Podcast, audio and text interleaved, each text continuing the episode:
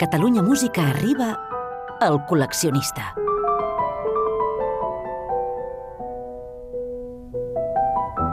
Un temps per tancar els ulls i gaudir del plaer d'escoltar.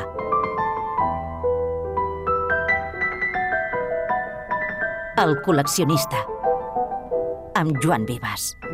Johann Wolfgang von Goethe, el 1789, any de la Revolució Francesa, va veure estrenada la seva obra teatral Egmont, la història de com el comte d'Alba empresona a traïció el seu amic el comte Egmont, que acaba condemnat a mort pel Tribunal de Tumults espanyol.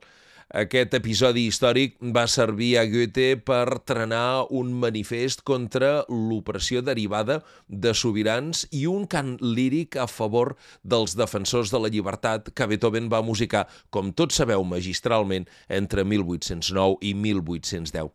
Aquesta mena d'històries van començar a proveir moltes narracions i obres teatrals que tot sovint acabaven musicades per alguns dels grans compositors, sobretot del panorama operístic romàntic. Avui col·leccionarem músiques que ens parlen de la lluita dels herois cap a la llibertat – Aixequeu, doncs, els estandards que la col·lecció comença amb Alexander Nievski. Sentirem la música que Sergei Prokofiev va escriure per parlar-nos d'aquest personatge que va esdevenir un lluitador contra els suecs teutons i tàrtars que amenaçaven Novgorod. És venerat com a sant fins i tot per l'Església Ortodoxa russa i Sergei Prokofiev en va escriure la música que en principi anava estava destinada a ser banda sonora i així va ser de la pel·lícula homònima, però que el mateix compositor posteriorment convertiria en una cantata per mezzo-soprano, cor i orquestra interpretable en sala de concert. Sentim un fragment d'aquesta cantata de Prokofiev, Alexander Nievski, opus 78.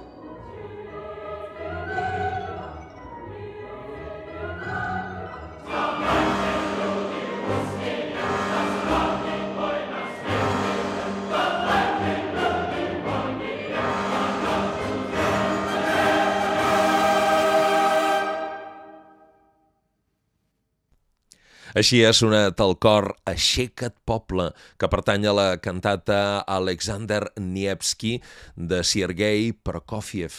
És una cantata per mezzosoprano, cor i orquestra, escrita primer com a banda sonora i després com a música de concert. Seguirem amb la música de Daniel Aubert, La seva òpera Masaniello, també coneguda com La Mouette de Portici, és una òpera en cinc actes amb llibret de Jean Escribe i de Germain de la Vigne, que es va estrenar a París el 1828 i que se la considera la primera grand òpera francesa.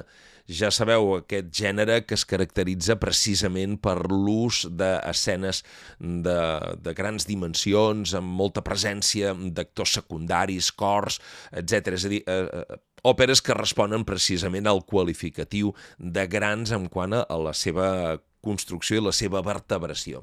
Parlar de Masaniello, abreviació de Tommaso Agnello, que era un jove pescador napolità, és parlar de qui es va convertir en un líder de la revolta que van aixecar contra els Habsburgs espanyols a Nàpols l'any 1647. Disposem-nos a sentir un dels cors d'aquesta òpera de Daniel Aubert, el cor del mercat, au marché qui vient s'obrir.